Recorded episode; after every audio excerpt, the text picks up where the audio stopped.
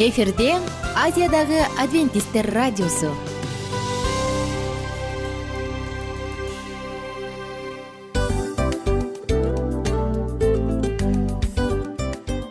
Достор салют.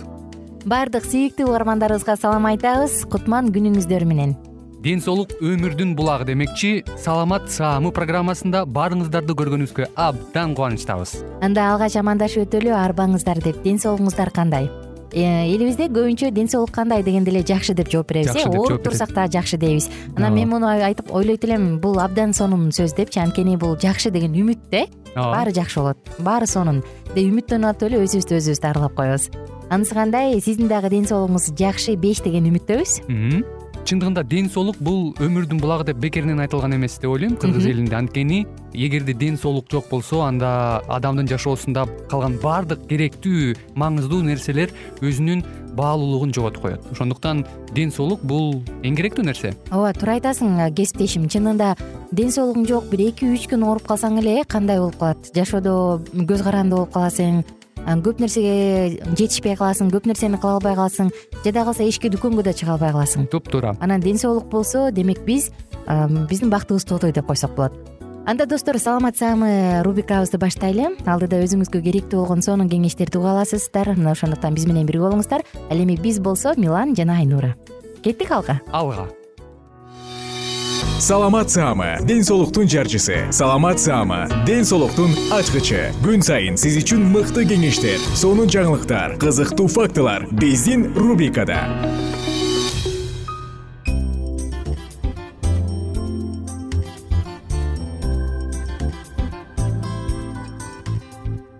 Кутман күнүңүздөр менен кадырлуу достор салют угармандар жалпыңыздар менен бирге саламат саама рубрикасындабыз. Жана бүгүн сиздер менен бирге ашыкча салмактуулук жөнүндө сөз кылалы деп турабыз.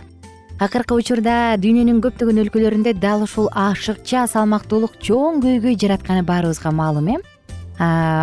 Ашыкча салмак болуп жатса биз бүгүн сиздерге чия уругунан жасалган сонун смузинин рецепти менен бөлүшөбүз. Анда биз менен бирге болуңуздар. Алгач ага чейин достор биз ашыкча салмактуулуктун себептерине бир аз токтоло кетсек бизде адистер мунун себеби эмнеде дешет мына ушул жөнүндө сөз кылсак ашыкча тамактануу. Албетте ооз тыйылбаса э? Көп учурда адамдар тойгуча тамак жеп алат. Бул учурда ашказан ашты сиңире албай салмак кошууга алып келет. Аз аздан жана бат баттан тамактануу абдан пайдалуу. Негизи төрт ирет эртең менен түштө күүгүмдө жана кечинде тамактануу керек дейт. Ошондой эле куурулган ышталган тамактар газдалган суусундуктар зыян. Булар даамдуу болгону менен өтө калориялуу кайнатылган бууланган тамактан өтөрү жок маал маалы менен жылуу суу ичип туруу дагы пайдалуу. Кийинки зат алмашуунун туура эмес жүрүшү. Бул дагы ашыкча салмактуулукка алып келүүчү бирден бир себеп. Зат алмашуу ар бир тирүү организмде жашоону камсыздоо үчүн үзгүлтүксүз жүрүп туруучу энергетикалык жана татаал химиялык процесс. Жөнөкөйлөтүп түшүндүрсөк адамдын ичип жегенин организм иштеп чыгып иштелип чыккандарын кайра өзүнө керек дейт. Кийинкиси кыймылдын аздыгы. Адам канчалык көп кыймылдап активдүү болсо тамакты бат сиңирип сергек жүрөт. Гинеколог эндокринологдордун айтымында ашыкча салмакка кош бойлуулук төрөттөн кийинки абал жаш курак эндокриндик системанын бузулушу стресс генетика жана сексуалдык көйгөй дагы таасир этет экен ошондой эле ашыкча салмактуулукка кош бойлуулук төрөттөн кийинки учур аял боюнда бар кезде гормоналдык өзгөрүүлөрдөн улам зат алмашуу жайлайт. Мындан улам салмак кошулат. Төрөттөн кийин бала эмизгенде организмде май топтому көбөйөт. Ашыкча салмак жыныс органдарынын кызматынын бузулушуна алып келет. Жыйынтыгында айыз циклинин бузулушу бойго бүтүү кыйынга турат. Жаш курак. Адамдын жашы өткөн сайын кыймыл азайып зат алмашуу жайлап организм кара күчтү аз коротот. Ошондуктан калорияны көп таштай албай калат эндокриндик система дагы адамда ашыкча салмактуулукту пайда кылат. Бул эндокриндик системасына гипофиз мээнин алдыңкы бөлүгүндөгү без гипоталамус эпифиз калкан сымал уйку бөйрөк үстүндөгү жана энелик бездер кирет. Бул бездердин көлөмү жана формасы түрдүүчө болуп дененин ар кайсы бөлүгүндө жайгашкан. Эндокриндик система бөлүп чыгарган гормондор кан менен бүт денеге тарап органдардын иштешин камсыз кылып турат эгер система бузулса адам тез чарчап зат алмашуусу бузулуп жыныстык жашоого кызыгуусу бузулуп жоголуп салмак кошконго чейин жетет. Караңыздарчы.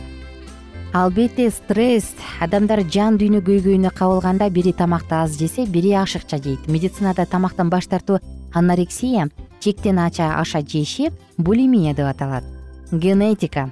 Эгер адамдын тукумунда тоолук адамдар болсо ал бир канчалык деңгээлде балдарына таасир этет жана сексуалдык көйгөй байма бай жыныстык катнаштын жоктугу гормондордун жетишсиздигине алып келет. Ошондуктан бул нерсени айрым адамдар тамак менен алмаштырышат.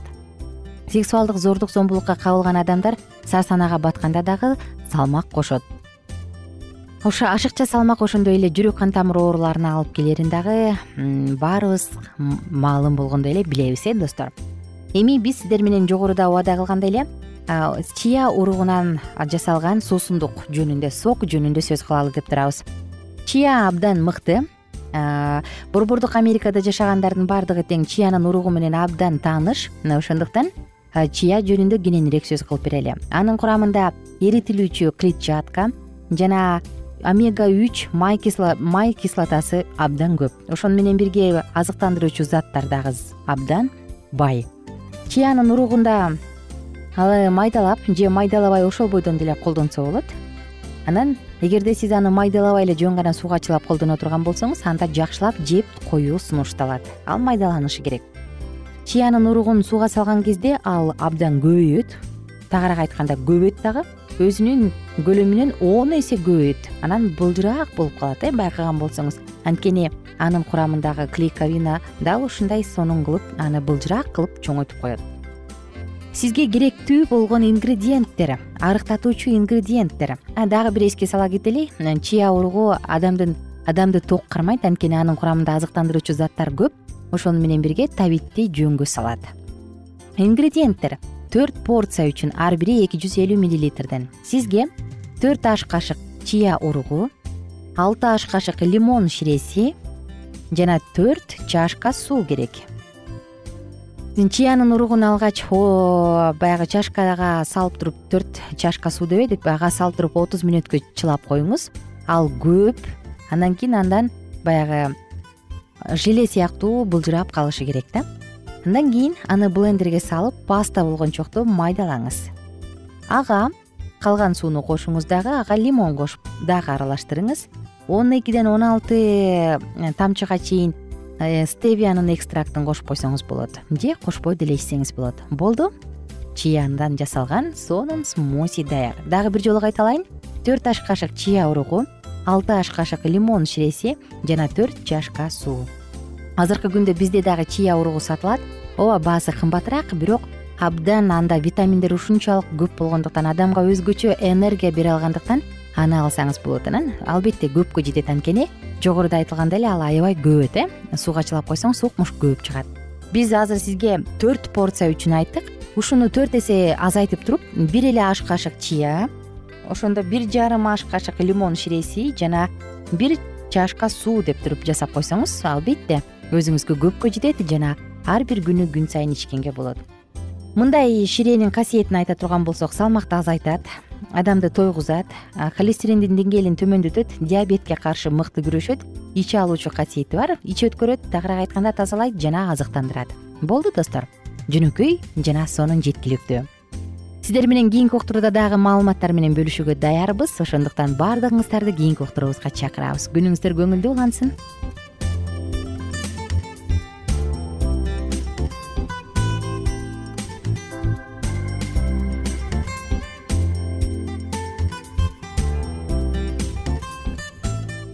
кененирээк маалыматтар үчүн үч w чекит саламат чекит клуб сайтына келип таанышыңыздар. Жана андан тышкары социалдык тармактарда youtube facebook жана instagram баракчаларына катталыңыз. Саламат саама ден соолуктун жарчысы. Саламат саама ден соолуктун ачкычы. Күн сайын сиз үчүн мыкты кеңештер сонун жаңылыктар кызыктуу фактылар. Биздин рубрикада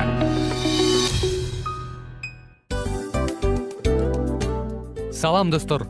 Кайрадан биздин сүйүктүү рубрикабызга кош келиңиздер деп айтмакчыбыз. Баардык замандаштарыбызга арбаңыздар деп саламыбызды айтабыз. Улуу ушундай бир урматтаган учурашуу менен анан дил маек радио баракчабызга чакырабыз. Негизи дил маек биздин рубрикабызда эмне жөнүндө кеп кылабыз бул дил маектин мааниси эмнеде рубрикабыз менен кичине тааныштырып кетсеңиз. Сөзсүз түрдө тааныштыра кетейин кесиптешим суранычы боюнча бул учурда бул радио баракчада биз ар тарап кесип ээлеринен сонун кеңештерди алабыз сүйлөшөбүз сырдашабыз. Аталарыбыздын эжелерибиздин апаларыбыздын кеңештерин угабыз айтор жан дүйнөгө адамдын э, сапатына адамдын деги эле адам болуп жашашына керектүү баардык кеңештер алдыда негизи э, дил маек дегенде баягы эки адамдын ортосундагы сырдашуу кенен сүйлөшүү. Негизи эле биз адамдар бири бирибиз менен бир жерге жай жерге отуруп алып өзүнчө тынч жашоо жөнүндө өмүрүбүздө эмне болуп атканын бөлүшкөнү жакшы көрөбүз э адамдар. Ооба туура айтасың анан мындай учурга кээде убакыт да жетпей келет э? Же болбосо сырыңды кайгыңды муңуңду кубанычыңды айткың келет а адамга ишенбешиң мүмкүн. Ооба. А бул радио баракча угармандарыбыздын чыныгы досу анткени бизден алган кеңеш сиздин жашооңузга чоң жардам берет. Ал эми сиздин бизге айта турган сөзүңүз ортодо гана сыр бойдон калат. Ошондуктан биздин дил маек рубрикабызга дагы бир жолу кош келиңиздер. Жана биз даярдаган маалыматтарга даяр болуңуздар. Айнура жана милан сиздер менен бирге алдыга кеттик ар түрдүү ардактуу кесип ээлеринен. Алтын сөздөр жүрөк ачышкан сыр чачышкан сонун маек. Дил маек рубрикасында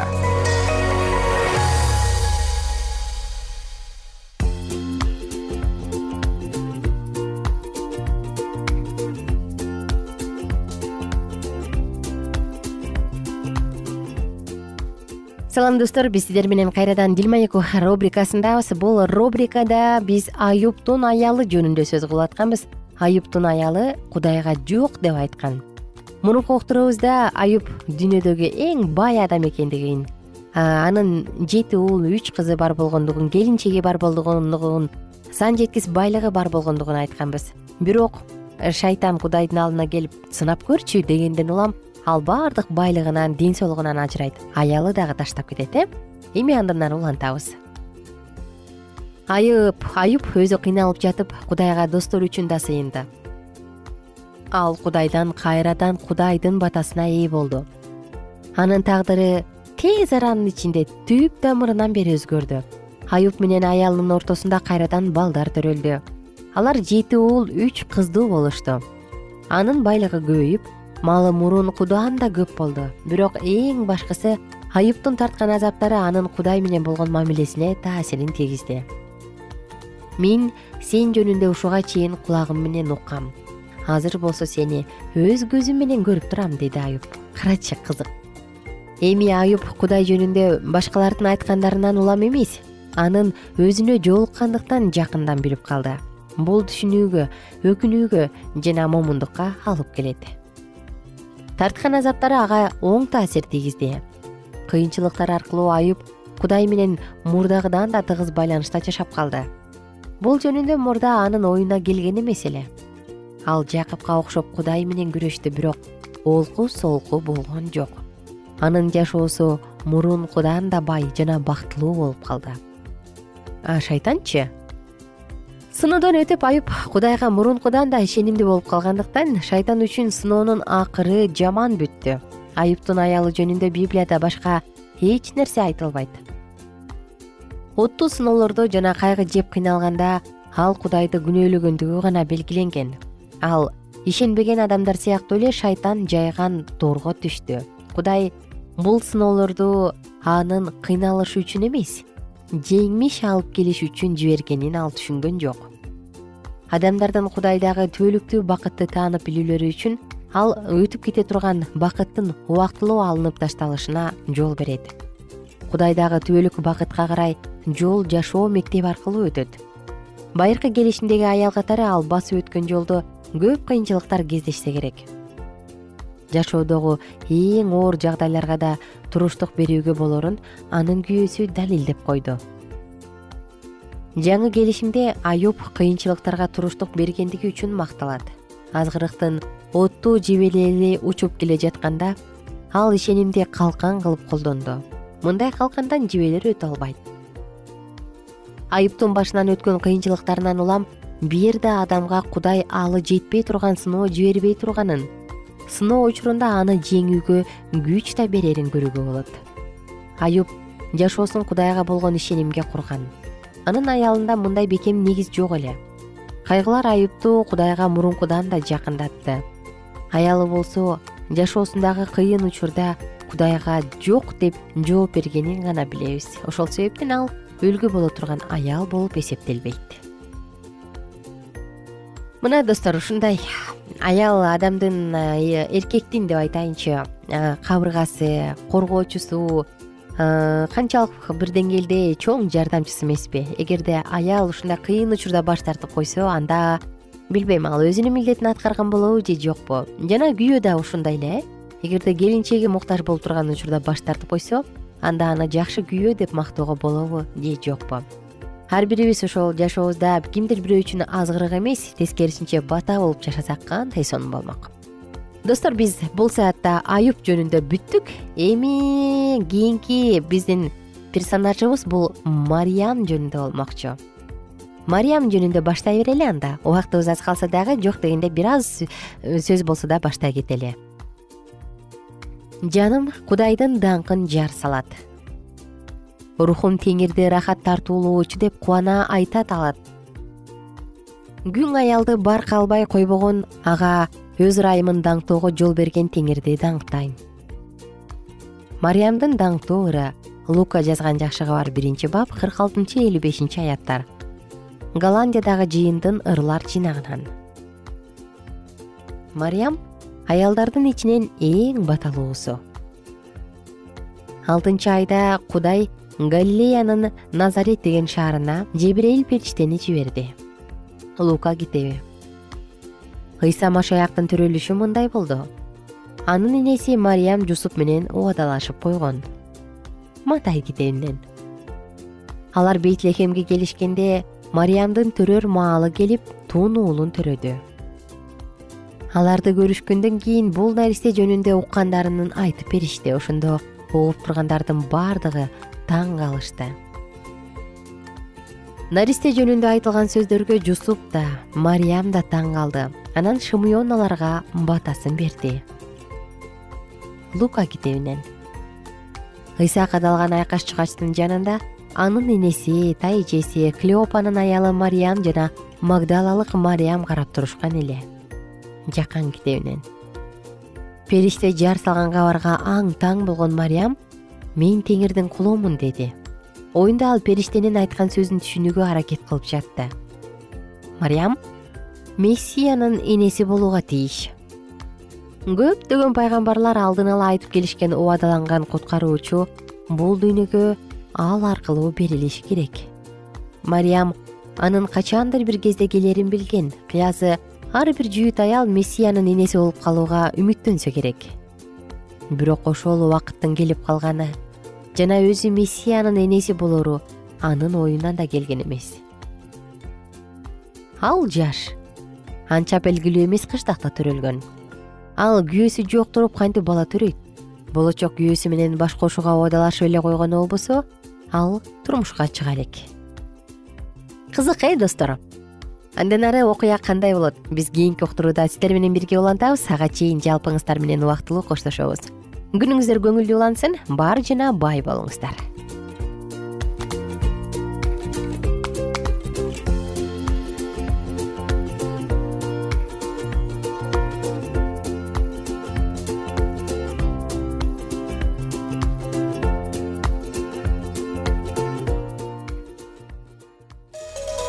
ар түрдүү ардактуу кесип ээлеринен. Алтын сөздөр жүрөк ачышкан сыр чачышкан сонун маек. Дил маек рубрикасында.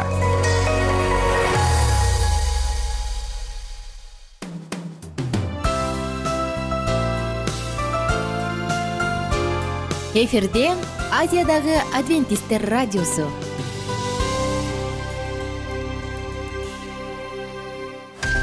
жан дүйнөңдү байыткан жүрөгүңдү азыктанткан жашооңо маңыз тартуулаган жан азык рубрикасы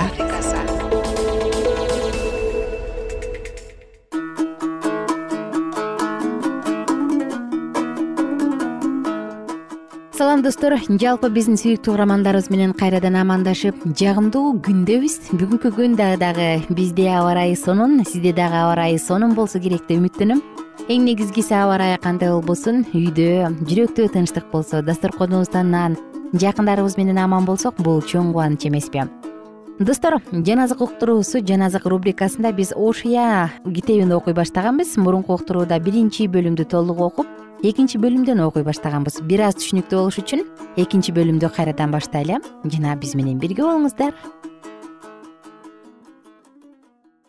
Бир тууганыңарга ами деп айткыла. Эже карындаштарыңарга рухам ырайым кылынган деп айткыла. Өзүңөрдүн элеңер менен соттошкула соттошкула анткени ал менин аялым эмес. Мен анын күйөөсү эмесмин мен аны энеден туума жылаңач кылып көрсөтүп чөлгө какшыган жерге айлантып суусатып өлтүрбөшүм үчүн ал жүзүнөн бузуктукту төшүнөн ойноштукту четтетсин. Анын балдарына ырайым кылбайм. Анткени алар бузуктуктун балдары. Анткени алардын энеси бузуктук кылды. Аларды төрөгөн аял өзүн уят кылды. Анткени ал мага нан суу жүүн зыгыр зайтун майын жана ичимдик берип жаткан ойношторумду ээрчим деген. Ошон үчүн мен анын жолун тикендер менен тосом. Аны тосмо менен курчайм. Ошондо ал өз жолун таппай калат. Ойношторунун артынан чуркайт бирок аларга жетпейт. Аларды издейт бирок таппайт ошондо мен биринчи күйөөмө кайра барайын. Анткени мага ошол убакта азыркыга караганда жакшы болчу деп айтат.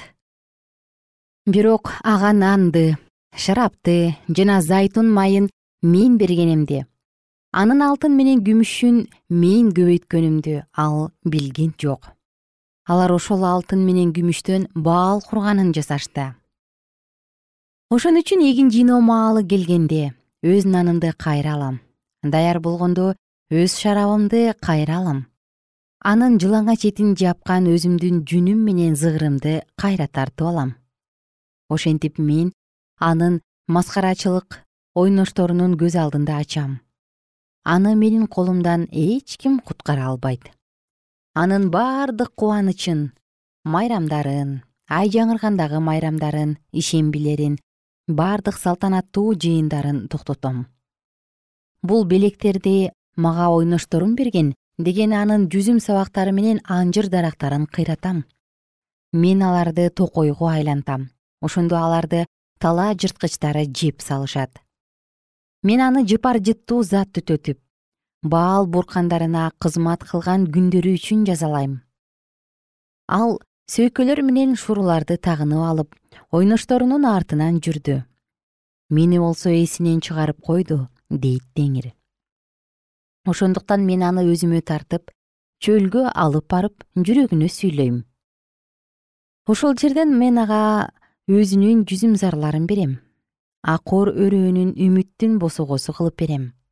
Ал ошол жерде өзүнүн жаш күндөрүндөгүдөй мисир жеринен чыккан күнүндөгүдөй ырдайт.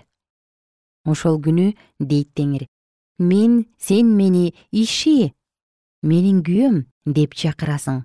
Ошондон кийин мени баале менин мырзам деп чакырбайсың.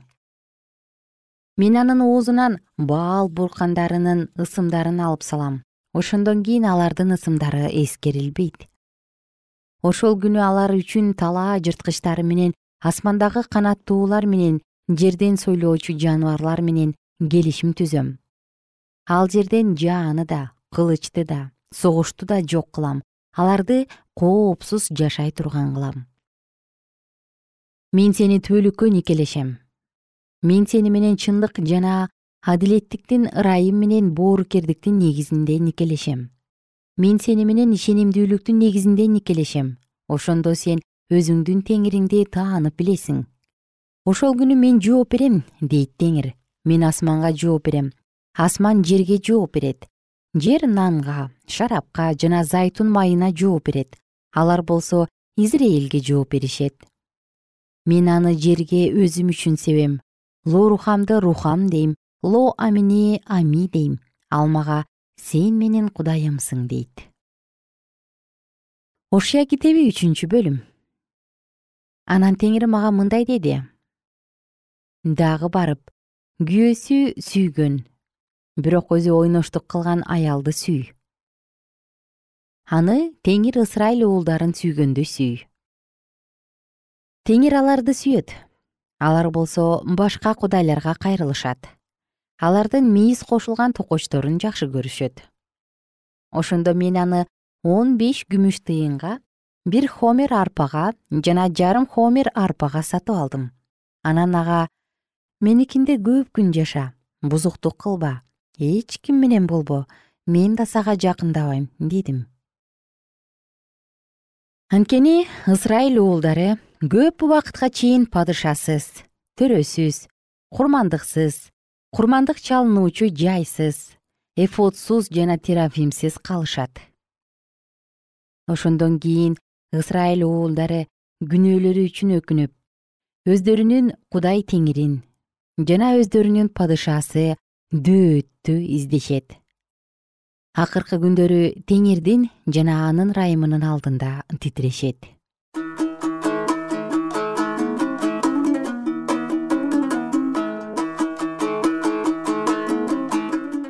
Ардактуу достор биз бүгүн сиздер менен ошуя китебинен экинчи үчүнчү бөлүмдөрдү окуп өттүк абдан кызык э таң калыштуу жаратуучу биздин башка кудайларды жасалма кудайларды издешибизди табынышыбызды таптакыр каалабайт ал кызганчаак кудай. Караңызчы мен ага зыгырды бергенимди эске салам. Ал кийип жүргөн жүн зыгыр бунун баары меники экенин эске салам дейт. Анысы кандай? Биз дагы ар бир жеткен нерсе үчүн ар бир алган нерсе үчүн жараткандын өзүнө ыраазычылык айта турган болсок бул туура багыт болот мен сиздер менен коштошом достор. Кийинки уктуруубузда биз андан ары окуяны улантабыз ошуя китебин бирге улантабыз. Ага чейин жалпыңыздар менен убактылуу гана коштошобуз. Бар болуңуздар жана бай болуңуздар. Жаратканым сиздерди өзү жалгасын.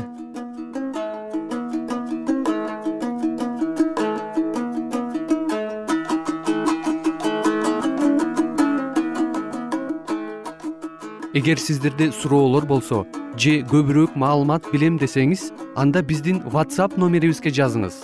Плюс бир үч жүз бир жети жүз алтымыш алтымыш жетимиш. Кайрадан плюс бир үч жүз бир жети жүз алтымыш алтымыш жетимиш.